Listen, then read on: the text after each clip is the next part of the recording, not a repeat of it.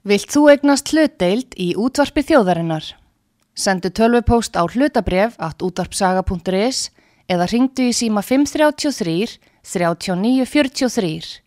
Útvarpsaga stendur vörð um tjáningafrelsið.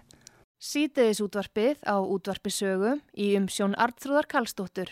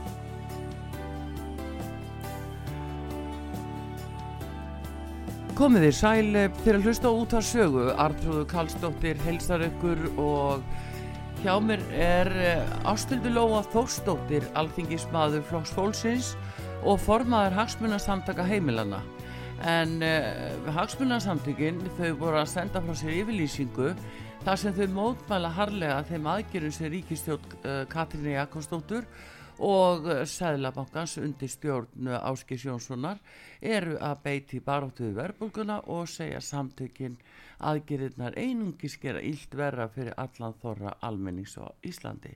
Velkomin á Stildur Lóa. Já, hvað er fyrir?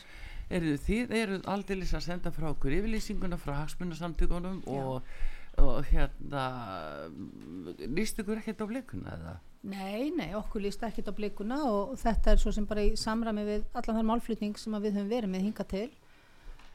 Um, það er alveg með ólíkindum að horfa á að, jú, við erum að díla við verðbólgu sem að er alveg þungu bakki fyrir heimilin, ein og sér og þá er farið í aðgerði sem ger ekkert annað en illt verra fyrir heimilin Já.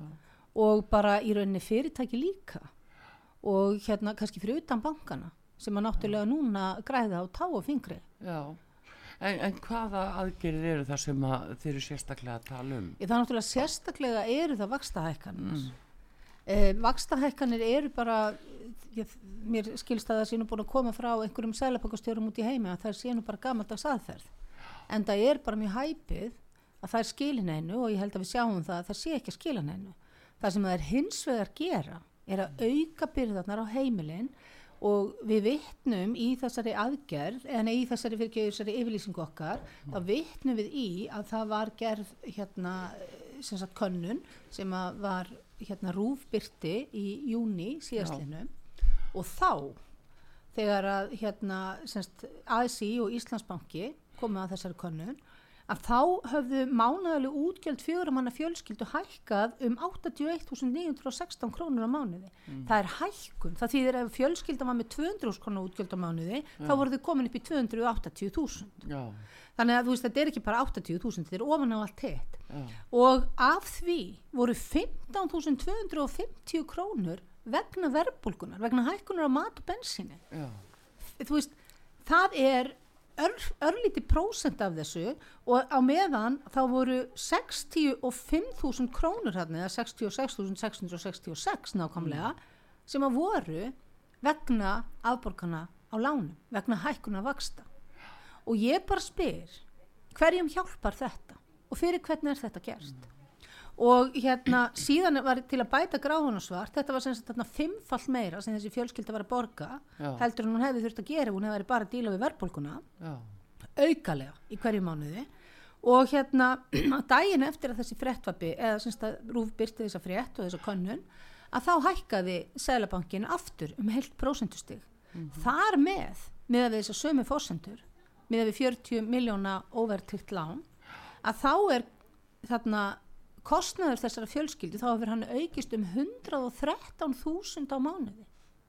Og af því ennþá 15.250 Já. vegna verðbólkunar þó að það væri 30.000 vegna verðbólkunar skilur þetta, þetta næri ekki nokkru einustu átt og, og hérna það er bara þannig alveg sama hvað meðaltalstölu segja um, um, hérna, um stöðu heimilana þá er það bara staðreind að heimili með meðaltekjur eða minna munu ekki standa undir þessu til lengdar.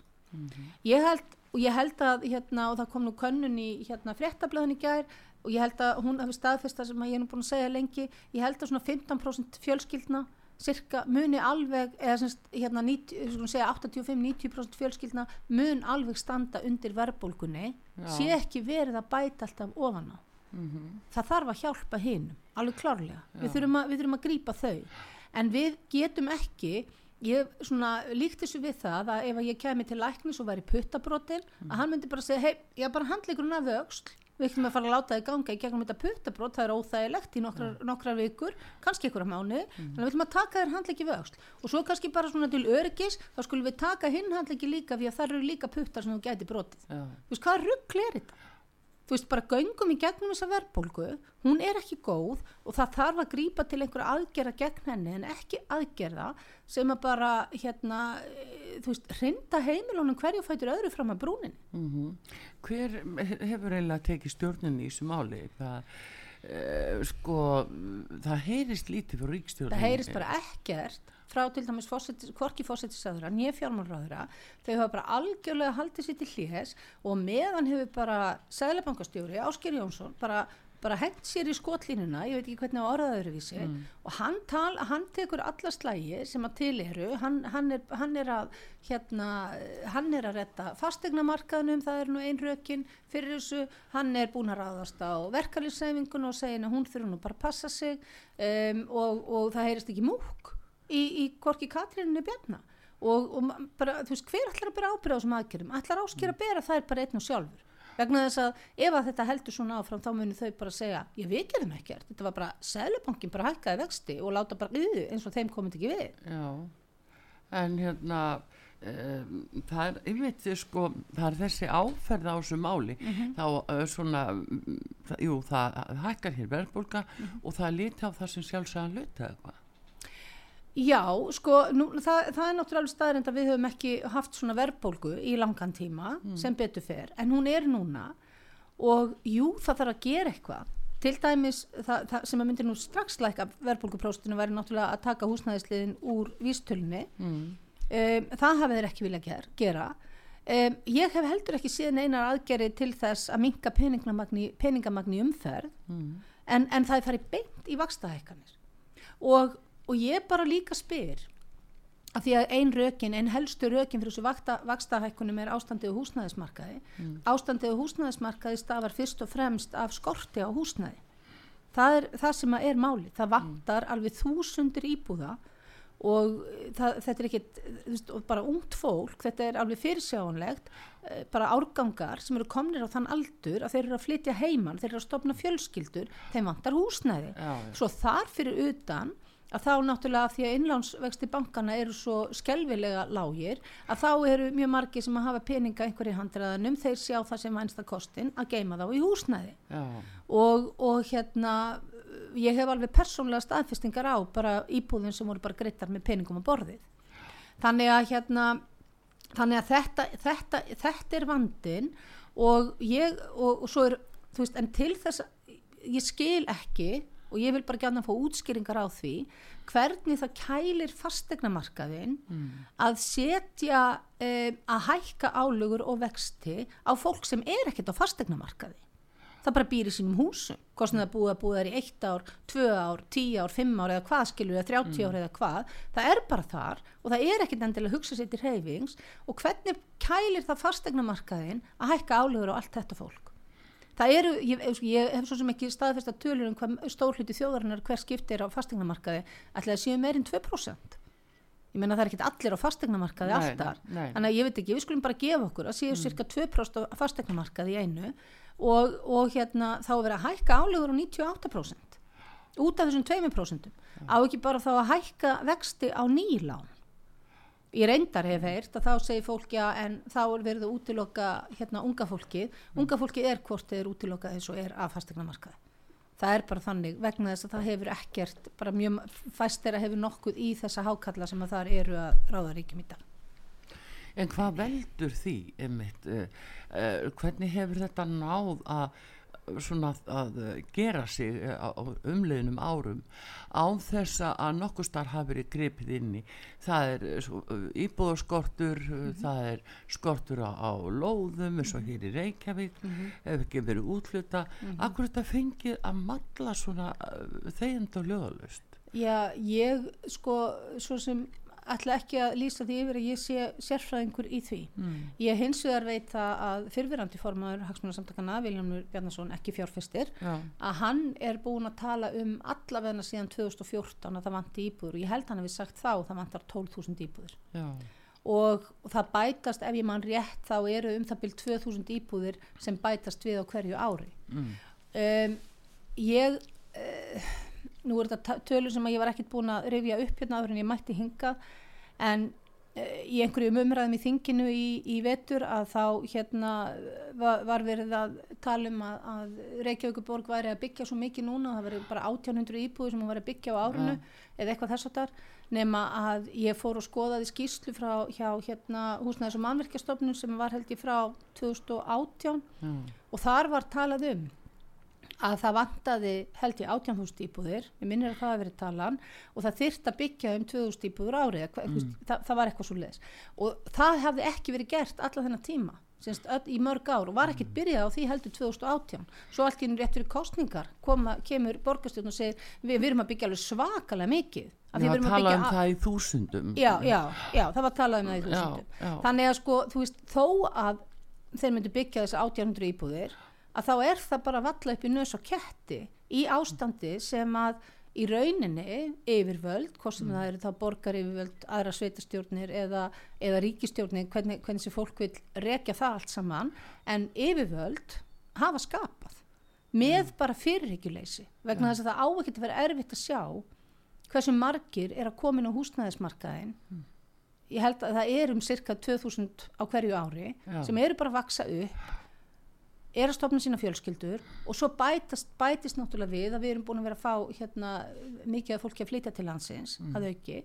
Þannig að, hérna, þannig að þetta er vandi sem hefði átt að vera fyrirséður fyrir svo gríðarlega löngu síðan en það verið engin hlusta, það er bara verið einbætt sér að þéttingu byggðar og að byggja íbúður sem að mjög fáir hafa haft efni á og í staðin, þú veist, það, það, það, þetta er svo, þetta er svo, þetta er svo viðtaku vandi, ég er svo sem ekki sérfræðingur í allt Nei, nei, hverju, en, en, við bara þetta horfum, er bara staðreind. Já, horfum mitt á það, eins og að lýsa þessu, Já.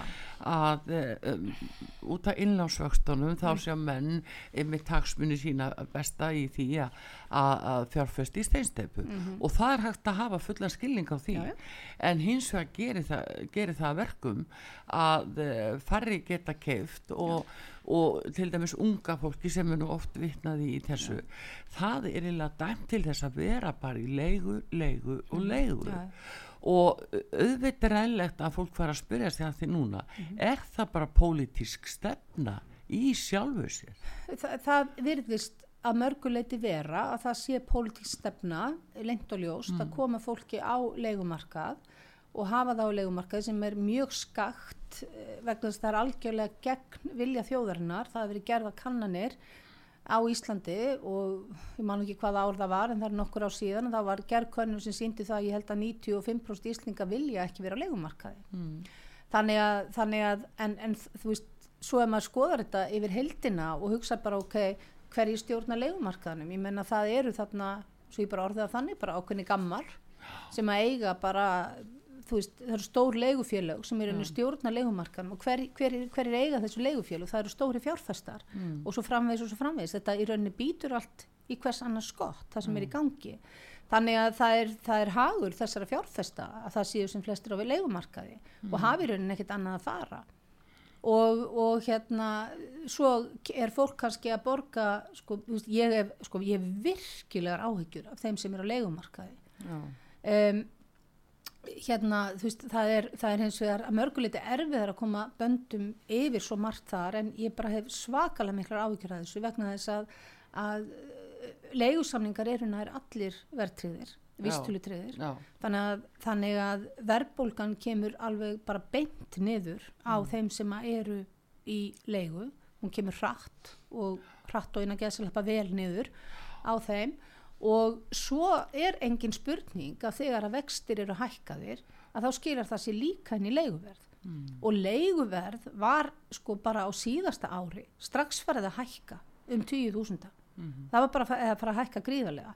Og við heyrðum hérna vissum dæmi hérna veist, já, höfum vita dæmi eins og aftur tala sem ég var ekki búin að rifja upp og, og ég á það til að rauglast aðeins í tölum þegar að frálýður en það var, var það var fjölskylda sem að ég held að hafi hækkað fjóramanna fjölskylda þryggjarbyggja íbúð það hefði hækkað leigan úr við minni 240.000 í 320 mm -hmm. á einu ári. Mm og þú veist þessi peningar er ekki til. Og ég segi hvert á þetta fólk að fara ef að það stendur ekki undir leigunni og það missir húsnæðið þa þá erum við komin á annan stað heldur en við vorum í hruninu þar sem kannski fólk var að missa eigið húsnæði ja. og fór á leigumarkað mm. en ef þú ert á leigumarkaði og stendst ekki, stendst ekki hérna, getur, stendur ekki undir leigunni hvert átt að fara ja, ja. Hver, veist, hvert erum við að fara að vísa þessu fólki og hverra hagur er það ef að fólk fer aftur að missa heimili sín í hrönnum vegna þess að staðrindin er svo að stór hluti þeirra sem, en, sem er á leikumarkaði mm. eru þar eða stór hluti þeirra sem að mistu heimilis sín í suninu mm. er ennþá á leikumarkaði og hefur ekkert komist það og, og hérna þú veist og kannski margt að þessu fólki að byrja að sjá til sólar þegar að þetta gerist svo aftur já, núna já. og aftur er höggið í sömu knérun í rauninu já.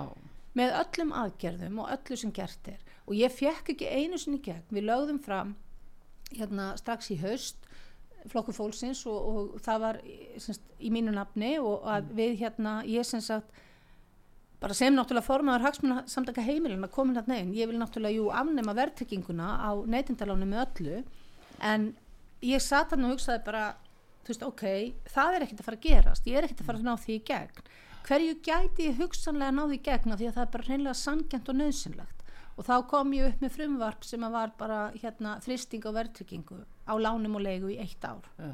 bara að frista verðtrygginguna semst, á í eitt ár á lánum og leigu. Bara í eitt ár. Mm. og ég fekk að mæla fyrir þessu með minnir í desember eða í, í november, ég man ekki hvort var.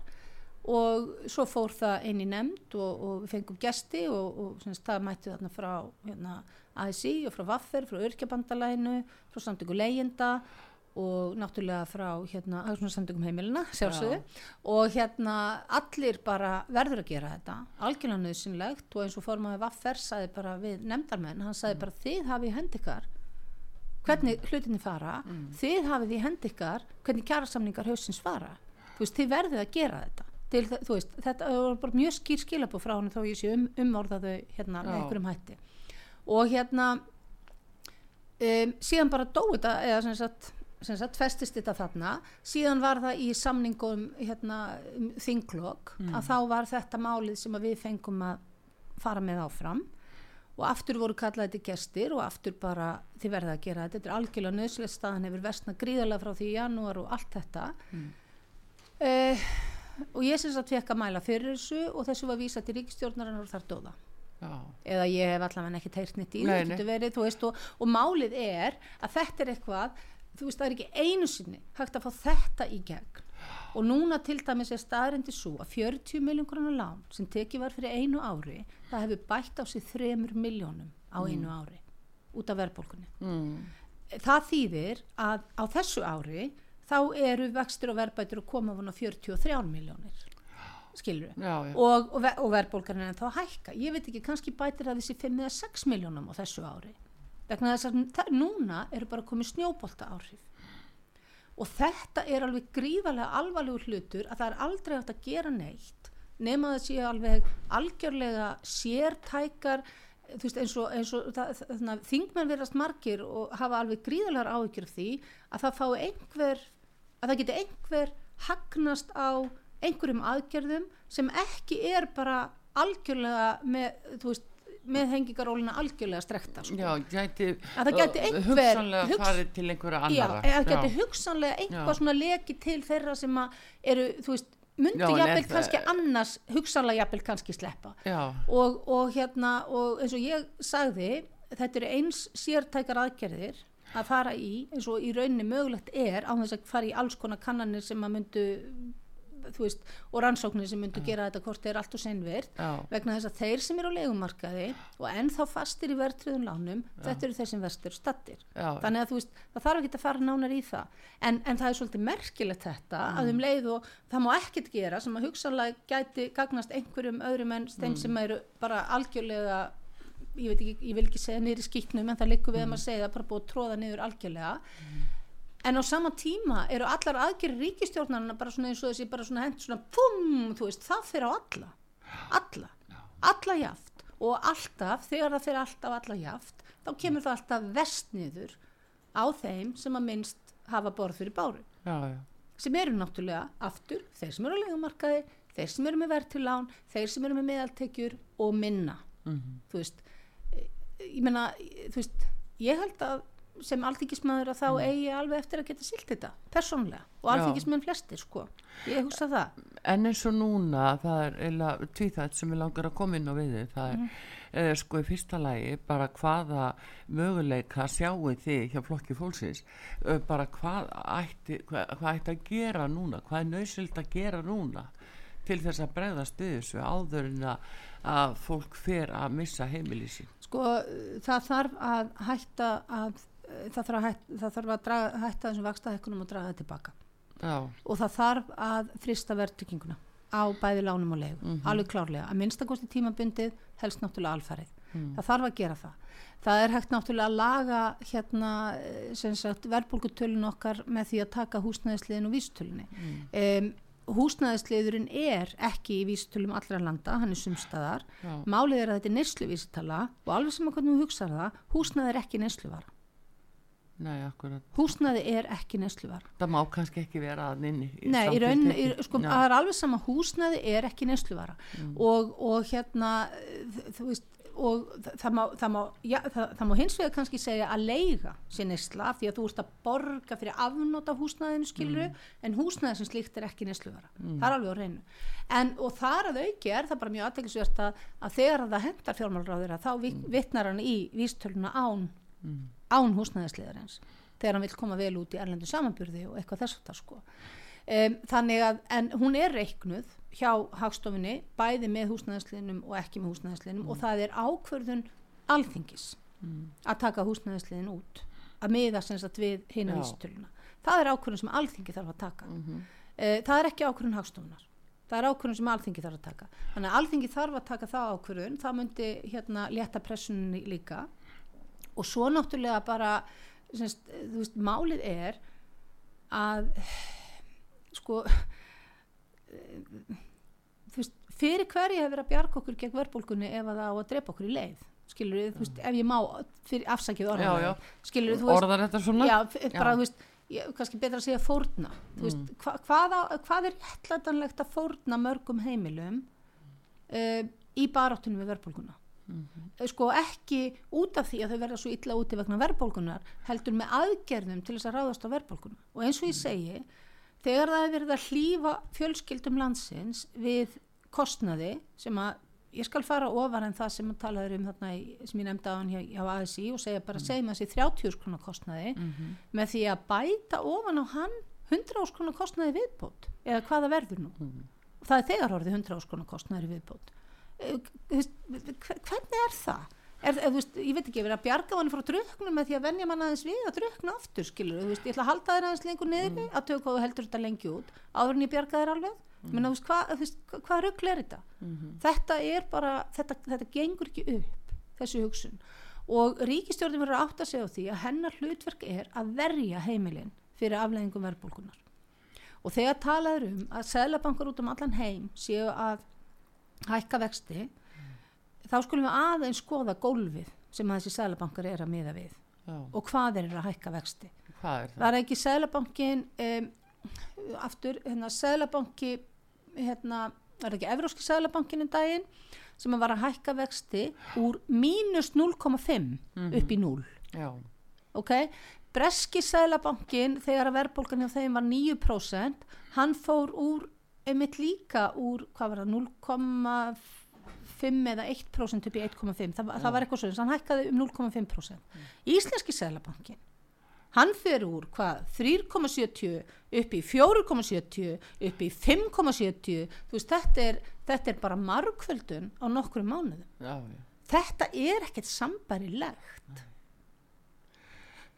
En sko það sem er afstildu lóa eiginlega fyrir eh, svona fólk sem að st- stendur í því og, og þarf að þóla þetta, þetta er sko náttúrulega eitthvað eh, það er svo lítill stöðuleiki fólk ætlar að gera rástafanir það ætlar að gera rekstrar áætlinni fyrir sitt heimili eða fyrirtæki.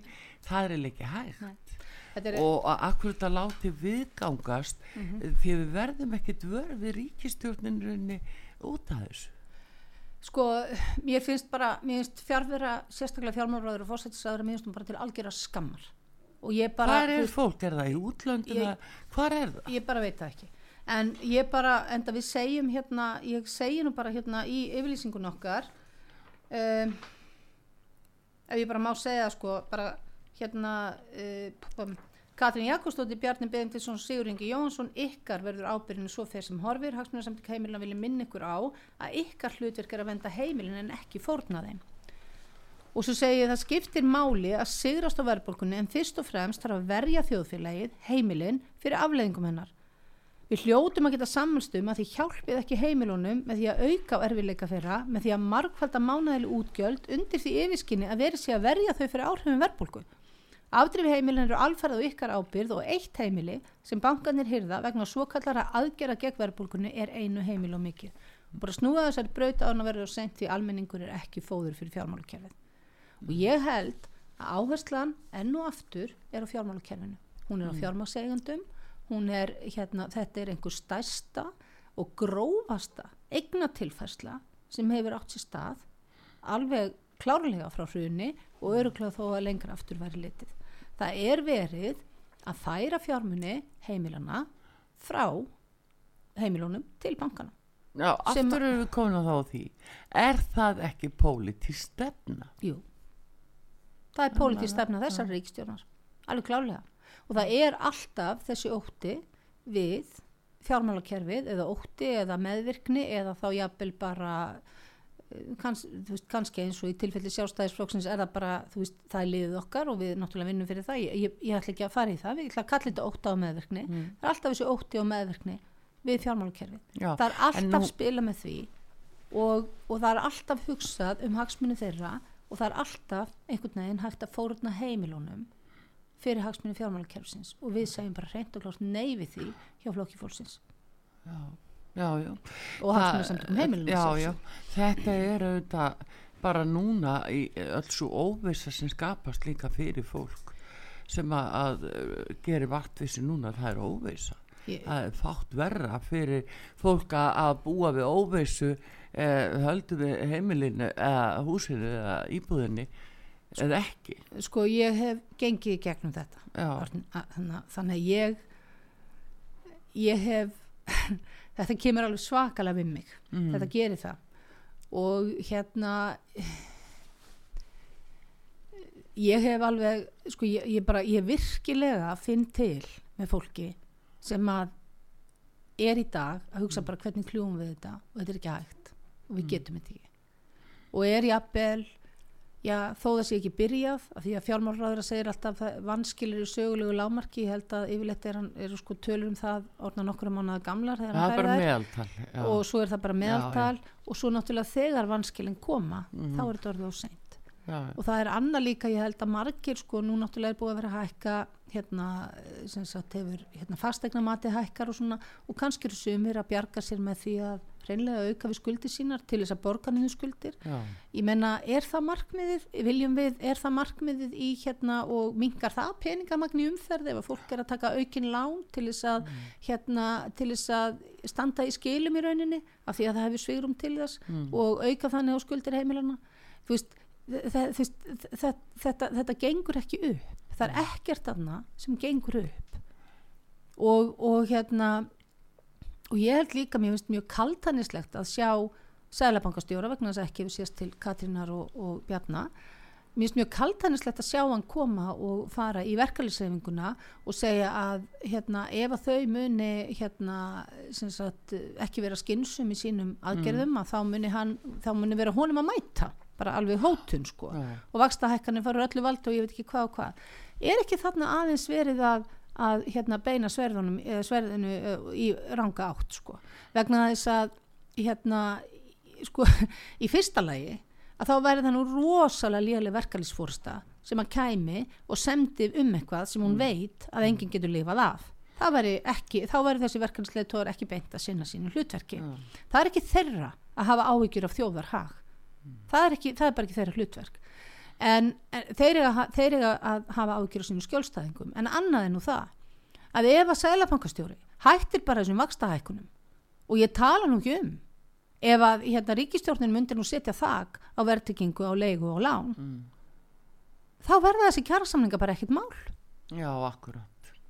Ég ætla svo sem ekki að segja að þeir mun ekki fara fram á neitt en, en þú veist, þá þarf ekkert hækkaninnar vegna þess að þeir eru búin að lýsa því yfir formin Vaffer e, hérna, og, og hérna Viljami Birgisson og, og, og hérna og, og hérna og hjá eblingu sem, sagt, þe- þú veist, þeir eru allir búin að lýsa því yfir að þeir muni sækja hverja einustu krónu. Já, er það ekki bara óþarfi að vera að taka þessa krónur á heimilunum og setja þær, setja þær inn í bankana engum til gags, sem að núna eins og ég segi, 32 miljardar á síðasta ári, já, já, en þú sé náttúrulega líka eða hálfu þessu, þessu ári ástildu lofa sko, það er líka þess að verðhækkanir núna Mhm. og hvernig sko kaupmáttur er rýrnar hjá eh, vinnandi manni. Mhm. að uh, það er eðlilegt að, að eh, já, ve- fólk eh, undir þessum kringumstæðum segir bara nei, við viljum herri laun. Sjálfsögðu. það er bara ekki dælilegra Sjálfsögðu. meðan að, þetta fær að viðgangast. Já, að það sjálfsög er allstar í maturinni til dæmis allstar komni eh, hundra kallar og þúsund kallar og ofan og allt Já, en það ég ætla svo sem ekki að segja að verkefnisleðstóm hreyfingin eða verkefnisleðtómin er bara kóðuna niður ef að, ef að þetta væri tekið af en, en vegna þess að eitthvað þarf almenningur að fá til að geta lifað af. Já. en eins og ég komað á þann það eru sennilega allavega 85% heimila sem munu alveg ráða við þó þau þurfa að herða einhvað ólina þá munu þau ráða við verðbólkuna en þegar að ríkistjórnin og seðlabankin meðvitað bæta 10.000 og jafnvel yfir 100.000 ofan á það sem að vöruverð og bensín er Já. þá er voðin vís þá fyrst það er það sem er að valda heimilunum miklu meiri vandræðum heldur en nokk tíma verðbólgan þannig að aðgerðir gegn verðbólgunni eru miklu verri en verðbólgan sjálf Já. En er þetta ekki bara partur af þessari endurræsingu sem hefur alltaf verið að bóða að, að fólk er að vera eignalöst? Það bara ég hérna svo sem hef ekki hugsað þetta út frá því en, en, en bara sveimir þá það verðist bara að vera stefna að því að Þarf ekki fólk að fara bara að hugsa þetta í sko starra samengi að þetta nær út fyrir landsteinana þetta er Mhm. engin tilviljun að uh, fólk uh, og flokkar sem eru með áralanga reynslu í rauninni Mhm. svo ekki að framsónaflokkurinn sjálfstæðarflokkur og vinstri grænir Mhm. að þetta er fólk með langa reynslu og langa sögu að, að, þeir, að þeir viti ekki hvert þeir eru að stefna já, auðvitað vita er nákvæmlega hvert eru að stefna. Já, ég meina við náttúrulega, veist, við sáum hvernig tekjum voru, voru egnir af fólki af mm. af ríkistjórn Jóhannu Sigurðardóttir já, bara gjörsamlega vegna aðgerra ríkistjórna Jóhannu Sig- Jóhannu Sigurðardóttir og svo getum við talað um aðgerra eða aðgerra leysi það er stundum, stundum er vond að greina á milli hvað er hvað sko. Já, já. En, en sagt meðvitað aðgerra leysi er aðgerrið sjálfu sér sko. Já, Þannig já, að- tómlæti að- er mjög alvarlegt. Já, tómlæti er mjög alvarlegt og skeitingaleysi og, og, og hérna og þessi einhvern veginn blinda fyrir því að fólk hafi það verra heldur en þú það verðist vera alveg gríðarlega lítill skilningur innan ríkistjórnarinnar eh, á því að það sé til fólk sem að virkilega á ekki til nýfs og skeiðar. Hvernig það er að hafa kannski bara ég veit ekki, þrjú, eða 400.000 kannski tekjur á mánuði og, og af því fara kannski 250 til 70 í hérna leigu eða Húsaleigu, húsnæðiskostnað og þá er ekki mikið eftir. 130 eða 50 skall er ekki lengi að fara. Og, og hérna þar með ertu þú veist, við, við verðum, þú veist fólk verðist ekki geta sett sig í þessi spór og það er mjög alvarlegu hlutur. Og við til dæmis hjá flokki fólksins okkar helsta mál er er hérna 350.000 skatt og skerringalust það þýðir ekki að skattleysismörkin séu farið upp í 350.000 hjá fólki sem er með miljón við erum ekki að tala um það. Nei. við erum bara að tala um að, þeir, að það hafi engin minna en það á milli handana Já. en 350.000 sem sagt í ráðstöfunatekjur það er ekki einu svona að fá þetta í gegn. Veist, ég meina þetta, þetta er einhvern veginn svona þetta er svona krafa sem er hún er svo sjálfsögð. Já. það er einhvern veginn svo borlegjandi að það er ekki hægt að lifa á einu sinni 350 krónum hvað þá minna. Já. og við vitum alveg hjá flokki fólksins að þessi tala er allt og lág Já. en þetta munar gríðarlega miklu fyrir þá sem eru þó bara í dag að fá 240 Já. og við gerum okkur, gerum okkur vonur um að þetta væri að minnstu kosti hægt að fá þetta í gegn. Það er bara ekkert, það er bara engin skilningur á þessu. Það er bara, veist, og, og það hræðir mig. Mér finnst það alveg með ólíkindum. En þetta er stefna, lofa. Ég, ég, ég, veist, það- ég, veist, ég bara ég, ég, ég, ég, ég get ekki einu svona hugsað Já, að það sé stefna Fólk getur ekki verið svona blind að það sjáu það ekki og Nei. vitið það ekki. Þetta er stefna sem er verið að fylgja. Og það er kannski sá ískaldi draumur sem að e, Íslendingar smám saman er að vakna upp við. Þetta er eh, bara pólitísk stefna, Já. hvaðan sem hún kemur. já, já, já, það virðist vera ég bara, það er bara ég, já Já, Ég við ætlum að að- fá einmitt auðlýsingar núna og góðu gestur hér út af við sögu Ástildur Lóa Þórsdóttir, alþingismæður Flokksfólksins og formaður hagsmunarsamtaka heimilana og uh, hún og líka sæti í efnaðs og viðskiptanemnd alþingis og við erum auðvitað að ræða um verbulguna og stöðu heimilana uh, hvernig uh, þetta blasir við uh, landsmönnum nú.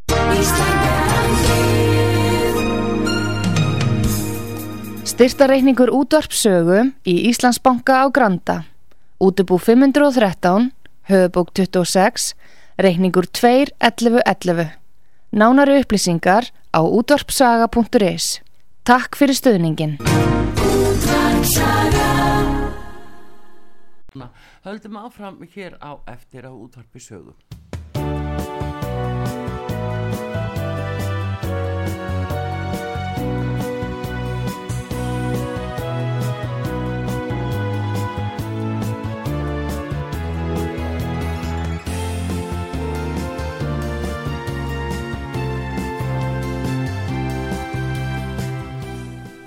Komið þér sæl aftur.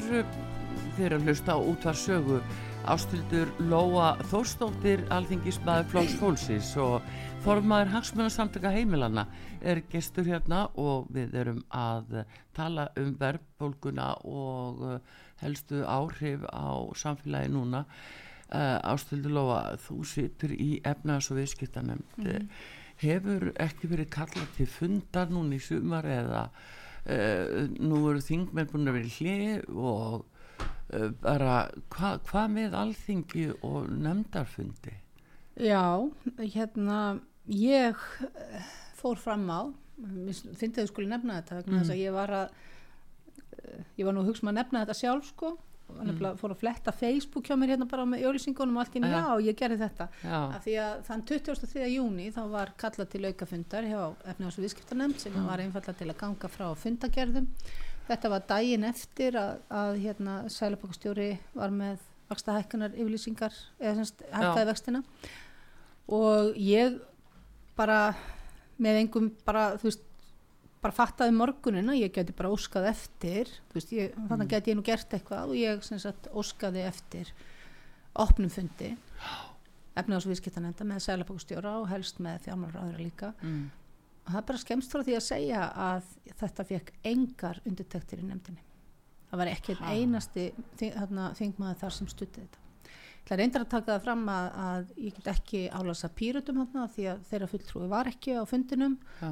og bara eðlilega en það bara fundagerra fundur og ég var ekki búin að láta neitt, eða semst bara samþykja fundagerðurinn og ég var ekki búin að láta neitt vita því að ég ætlaði að gera þetta en uh, samfélking við reist engin, engin sem að bakka þetta upp þeir full, bara fullir Er þeim alveg sama eða? Ég bara hreinlega veistu það, ég, ég bara ég veit ekki hvað ég á að segja ég let bóka þetta, ég óskaði þetta sem fundi og, og hérna ég let bóka fyrir að fyrst ég var nú búin að opna þetta hérna ég bara, ja. ég lýsi við vanbyrðum að fulltrúar efniðas og viðskiptnemndir hafa ekki tekið undir óskminum að fá sæðleipokastjóra fjármáraður og opin fund til að fara við vakstahekkarna undanfarnar vikna og mánaða og áhrif fyrir heimil í landinu í ljósi skarpra vakstahekkarna undanfarnu hefur sjaldan verið meiri ástæði fyrir efniðas og viðskiptnemndi eða samtal við sæðleipokastjórum stöðu og horfur í efniðasmálum ekki hvað síst með tilliti til stór aukina greiðslubyrði heimilana og hérna eins og ég segi bara þetta var bara, fólk taldi bara að Sælubókastjóri var bara sinna sínu starfi og gera það sem hann, honum bæri að gera. Og uh, það væri veist, ég, ég bara já, ég bara við, hefði viljað spurja hann ansi marga spurninga um þetta eins og til dæmis bara margt af því sem við erum búin að fara yfir hér og, og, og hérna mér finnst, mér finnst þetta ég var, ég var bara, bara nett miður mín eftir, eftir þessa niðurstöður sko. Já, en hérna sko ástildi lofa, nú eh, til dæmis heyrum við það að að fólk það er, það er mér bara mikla væntingar til þess að alþingi eða ríkistjórnin gerir eitthvað og treystir því samt er sko tröst á alþingi ekki mikið því miður. Það bara eins og hvað það ætti nú að vera örfisi en uh, því miður er það starrendin svo horfi fólk á sko núna yfir sumari það heiti sumafri alþingis þó að sé gert hlið mm -hmm. en, en engvarsýður fólk horfir á sko sér myndir af ykkur í útlöndum þeir eru sólaströnda skemmt ykkur þeir eru einhver starf í fríum að skemmt ykkur engin í vinnunni menn að fólk er að slíta sér út og allavega að naga á sér neklunar af áökjum eh, sko er það skríti þó fólk segi alþingi er bara eh, einskis virði Já, sko, það er náttúrulega 20 í þessu. Sko. Sjáðu hvað þú, veist að lýsa, það var ekki undirtektir að fólk kemur fund, Nei. að því að það var svo mikið að gera í því að komast í frí. Já, ég veit Eða svo sem ekki, ég, ég vil í sjálf og sér ekkert endilega segja að það hefur verið út af því að fólk vil endilega komast í frí. Menna ég held að, sko, ef það hefur verið haldin... Já, já, já, það er alveg rétt. Það var, það var nú samt, sko, á þessum tíma var nú svona hálfpartin verið að búast við því að það kemi að það skýslanum í Íslandsbanka, þannig að þingurinn og ég vil kalla saman hann í júnilók, mm -hmm. sko þannig að, hérna, þannig að ég held að flestir hafa nú svona hálfpartin verið í startólunum út af því þannig að ég held ekki að þetta við snúist um frí. Ég held að það hef ekki gert það vegna þess að það hefur verið hægt að hafa þennan fund. Mér minnir að þetta hefur verið á 50 degi þannig að 23. júni þegar ég leggit inn þannig að það hefur verið hægt að hafa fundin á mánu degi, þriði degi, vikun og mm. eftir sko það hefur verið hvað 27. eða eitthvað svo leiðis um, þannig að ég, sko ég alveg held að það hefur ekki snúist um það. Ég held bara, það meira bara skeitingaleysi uh, en hvað varðar sagt alþingismenn í sumarleifum og eitthvað svo leiðis mm. menna uh, það er náttúrulega bara gríðarlega margir já. búinir að vera í sumarleifum og já, alþingismenn líka og það er sjálf sér ekkert af því sko, já, sko málið er að að hérna, þetta er, ég er nú ennþá að læra inn á þetta en ég er svo sem alveg búin að sjá til dæmis í janúar þegar þingið hófst ekki fyrir en ég man ekki kringu 20. Já. það voru miklu fundir og undan og allar mm nefndir voru í gangi og allt þetta þannig að þetta er ekki allt svona klift og skorið en það er greinilega samt sem áður en svona, ten, þú veist, fólk vil svona, þú veist, þingmið náttúrulega ríka eru að reyna að plana eitthvað hjá sig, ykkur fjölskyldur og svona og það er kannski það sem ég helst ekki með á í þessu starfi já. hvað er óbúslega erfitt að gera nokkur plön og svona aldrei hver að gerast en já, já, ég, ég hérna fór í fyrsta skipti mörg ár, mm. bara af því að ég í rauninni hef valla hreftni og landið á meðan ég var bara í þessum höftum og þessari barótt sem ég var í, þá gerðum við bara fórum allan eitt, mjög sjaldan og, en við fórum núna, ég fór í tíu dag og, og Nú er ég ekki með neitt sérstakann Nei, nei, ég veit það. meira almennt Já, ég sko. veit, en þetta er samt sko, mér, þetta er kannski ekki, ekki sko, mér þetta ekki alveg vera viðmiðið, svo ég bara kannski segja eins og er, Nei, það er, það en, er Mm. en hins vegar, sko, þá er, sko, þú veist, það að ekki teirist frá ríkistjórninni í þessu öllu saman vegna þess að ég sem alþykismæður, ég reyndar er búin að skrifa nokkra greinar á þessu tímabili Mm. Um, en ég í sjálfur sér get óskaplega lítið hann að gert, ég get farið fram á þennan fund, ég get ekkert gert neitt mikið Já. og í rauninni býðum að bara eftir að komast inn á þing til þess að geta farið að segja eitthvað. En hverju það skilar Já. þó að ég, ég, ég er búin að rífast í allan vetur, ég er búin að tala um sömur hlutina og ég er búin að tala um að þetta myndi fara svona eins og við erum að horfa núna í allan vetur. Ég sagði, ég held í nóvember bara hreinlega mm. allavega var það bara strax í janúar. Ég held ég að við hreinlega sagt það fyrir jól. Við megum þakka fyrir ef að verðbólgan fyrir ekki við tveggjastafatölu þú veist, þannig að sko veist, ég, ég er búin að vera að tala um þetta allavega þennan tíma og þú veist, ég veit ekki hverju það myndi skil en það sem að ég hins vegar ef maður, sko ef maður spáir í að nú er verið að tala um að kalla þing saman upp aftur út af Íslandsbankaskíslunni og ég náttúrulega er alveg mjög ósátt við hvernig staði var að því öllu og hef alveg látið mér heyra með það og allt það en ég sitt alveg samt að hugsa ok, af hverju er verið að kalla alþingi saman út af skýslunni þegar í rauninni við getum alveg, það skiptir engum máli hvort þessi skýsla er rætt, í- september eða oktober úr því sem komið er. Já, skiptir ekki neinu máli. og Já, það sem- þarf ekkit sérstaklega að ræða það. En af hverju er ekki þing kalla saman út af ástandinu í þjóðfélaginu? Það er þar á að kalla þing Já, saman. Ekki út af einhverju sem er löngu búið og gerst Mm. í rauninni og við erum bara að fara að, að ég veit ekki, rífast um hérna einhverja pólitíki kringu það þú veist, eins alvarlegt og mér finnst þetta allt saman veist, ég er ekki að gera lítið Nei, af því nei, nei. ég er bara að tala um að við verðum að ræða það sem er að gerast í þjóðfélaginu Já. og það er ástæði til að kalla saman þing Já. þegar að verðbólgan er komin upp í þetta sem hún er núna, hvað 9,9% Já, það er 10%, og, og, og hérna sem sagt bara upp í tveggjastafa tölu Já, já.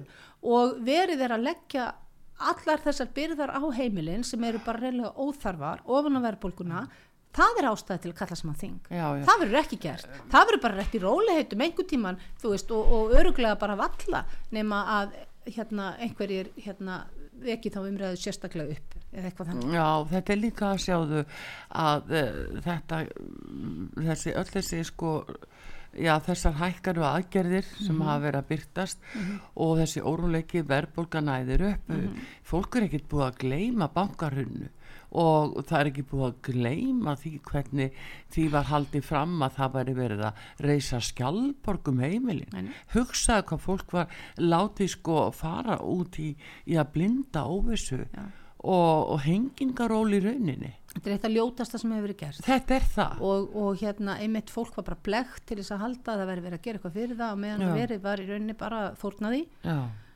og hérna því var í rauninni bara smalað á fórnaraltarið, ef svo má segja. já, og Fyrirtækjum líka, sko. já, já, fyrirtækjum. Mm. líka, ég náttúrulega sko, ég gerir mér, sko, þeim, það, þannig að ég tala náttúrulega alltaf um heimilin. Um, af því að ég er náttúrulega formaður hagsmunum samtaka heimilin, mjög margt af því sem að á við um heimilin á líka við um sérstaklega minni fyrirtæki. Já, en fyrirtækjadæmið er náttúrulega pínleiti flóknara. Það, veist, það, er, það eru til alls konar fyrirtæki. Það eru til fyrirtæki sem alveg hreint bara hérna, síða með heiminskautum það eru svo ána með tíðina eins og hún er núna og græða svo mikið og, Jú, og allt það. en, en í það, svo, sko. já, í lagi, eða, veist, svona, eins, og, eins og gengur. Svo eru önnur fyrirtæki sem eru bara meira kannski á ekkit, í á ekkit ósvipuðum stað og bara venilegt heimili í sjálfu sér. þannig að þú veist, þetta áallt við en þar fyrir utan, þá eru heimilin og ég heldur meðum ekki gleyma því að heimilin eru undstafan já, vegna þess að þú rekur ekkert fyrirtæki ekki einu sinni þó að það sé bara eitthvað ráefni í eitthvað þá, hefur eng, þá hefur fyrirtæki sem kaupir af því ráefni ekkert við ráefni að gera ef það er ekki einhver sem kaupir af því fyrirtæki. Þannig að sko beint og óbeint þá eru þá bara eru heimilin þú veist, ef að þú allar að þurrmjólka þau þá koma fullt af fyrirtæki með að deyja líka. Vegna þess að ef að heimilin get ekki sagt, veist, þetta, þetta er Já, náttúrulega er mikið þannig að, þannig að þetta, er, þetta er svo skrítin þessu hugsun að það bara hugsað um heimilin eins og eitthvað massa og við þurfum svolítið að breyta því um, að sko það sé alltaf hægt bara í stundum líkt þessu við þetta er næstu eins og sko það sé bara gefið veiðiheimild og það er engin kvóti. Veist, það er bara alltaf þetta veiða af heimilunum. Það er alltaf Mm. að taka meira. Vegna þess að og, og, svo, og, og fyrirtæki geta sagt ok, við, við erum sem sagt, við þurfum meira þannig að þau hækka sína verðskrá. Heimilin geta það ekki. Mm. nema á nokkur ára fresti eins og til dæmis núna í haust þá geta heimilin hækka sína verðskrá. Þú veist, það eru kjærasamningar já, já, og þá verður allt vitlaust. En, en sko málið er hverju, veist, við verðum, megum ekki gleyma því að hvert einasta heimili eru einstaklingar og, og það eru hvað vonir og þrár og draumar og bara líf og allt þetta og í hvert skipti sem að svona gerist eins og núna að þá er verið að sko, það er verið að herða að bara, þú veist, drepa, segja, drauma og, og, Já. og bara allt þetta bara, og bara brjóta Já, niður já. líf einstaklinga já, já. og við megum ekki gleyma því og ég hérna þess vegna sko það, það er ekki bara alltaf að tala um þjóðfélagið og, og, og svo meðaltölu heimilum, ég menna meðaltal er nefninlega og það er fáránlegt að þurfa að útskýra það en ef að þú ert með meðaltal upp á 5 þá eru hérna, þá er um það bil helmingur heimila eða hvað það er Já. undir því Já. og hinn helmingurinn fyrir ofan og það eru heimilin sem eru fyrir, heimilin sem eru fyrir ofan við þurfum í rauninni ekki að hafa kannski miklar áhyggjur af þeim, þau mun alveg bjarga sér þau eiga borð fyrir báru þau geta sem sagt, sem sagt það er alveg hérna, þau, þau mun ekki endilega missa allt sitt eða eitthvað. En það eru heimilin sem eru undir meðaltalinu sem mun gera það. En þá komum við aftur að, eins og Áskir sagði eitthvað heimilin þóla meira. Og ég var alveg, ha heimilin eru ennþá í plúsan ég býtu, er markmið að koma heimilunum í mínus? Mhm.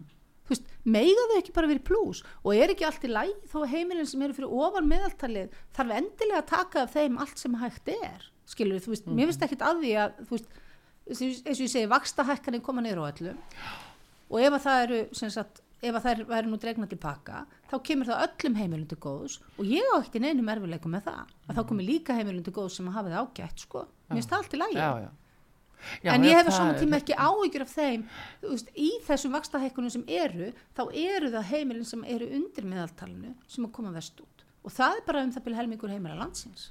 Já, já, það er nú það, heyrðu, en uh, kjara samningar að þess að síðustu uh, ástildu lofa, Mm. uh, hvernig líst þér á blikuna? Að drífa snædal, hún er bara farin frá ASI, hvernig líst þér á kjara samningarna eða þess að vera þessum eru framöndu?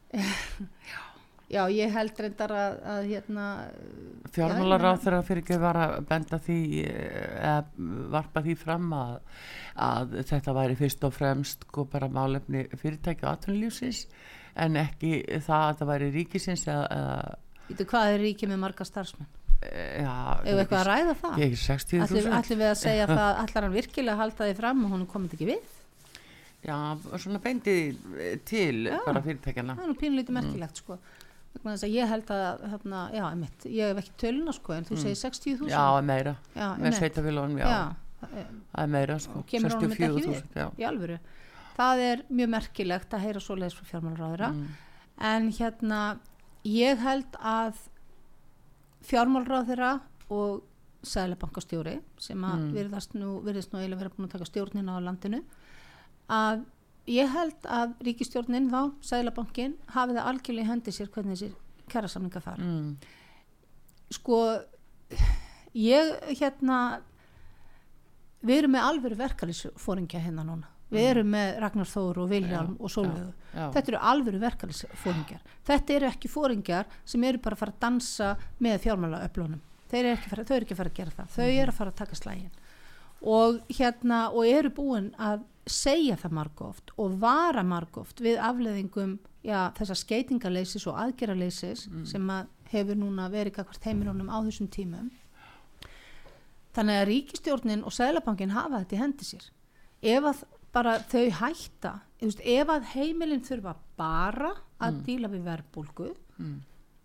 Þá verður og, og, og hérna og ríkistjórn og Sælabanki sína vilja sinn í verki með því að hætta þessum vakstahækkunum og ég tala nú ekki um draga tilbaka þetta þessar síðustu tvær kannski eða eitthvað svo leiðis um, og setja tala nú ekki um, við myndum líka setja það á vertinginguna Já. þá mæta verkefnisfóringja til leiks vil ég meina og hugsa ok, ríkistjórnin er að gera það sem hún getur í þessu stöðu sem er og þeir munu bæði kakvart ríki og atvinnureikundum og öllum sína uh, það, það verður allt annað. Þeir, ef, ef, ef að svo heldur sem horfir þá mæta þeir að eins og greinandi ljón Já, þannig að það. og það þarf ekki þá þarf ekki að fara í grágötu með hvernig fer. Og við líka, það er ekkit hægt að segja, það er ekkit til peningar að meðan við horfum á eins og til dæmis bara hvað er búið að koma með laun sveitastjórnenda, þú veist, argreðslu til hinna og þessara og annað sko sem að ég nenni ekki einu að reyfi upp og manna ekkit nákvæmlega hvað var en maður er búin að vera að lesa ítrekkað um núna í allan vetur uh, og, og lengi vel.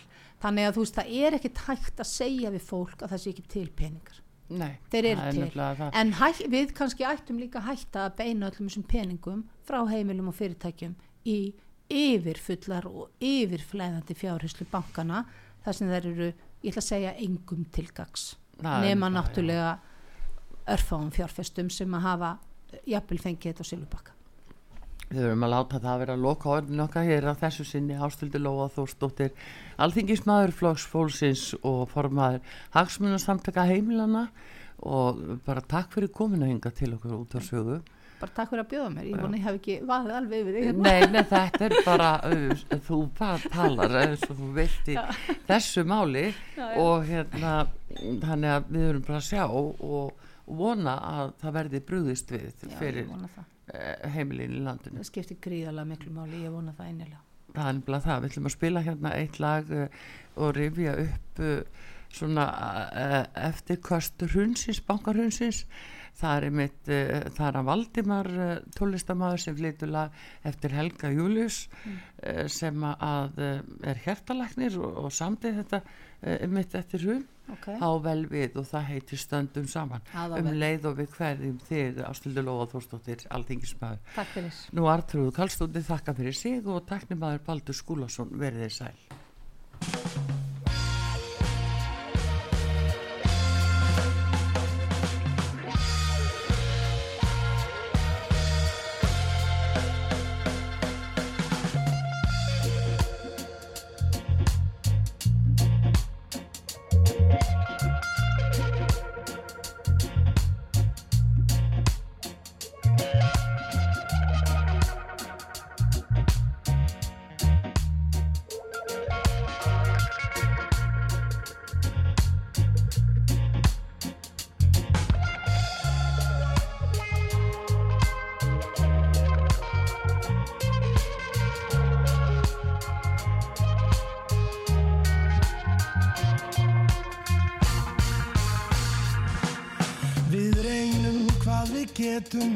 Lepjum dauðan og skell.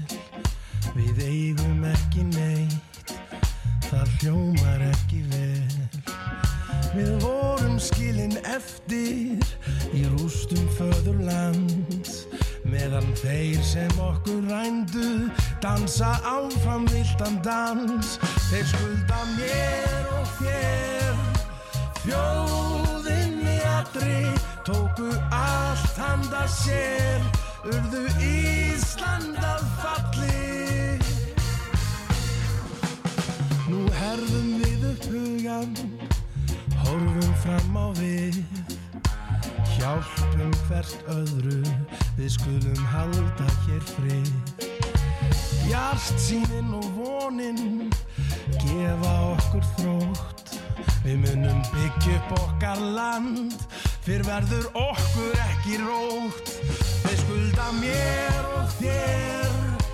Þjóðinni allri Tóku allt handa sér. Urðu Ísland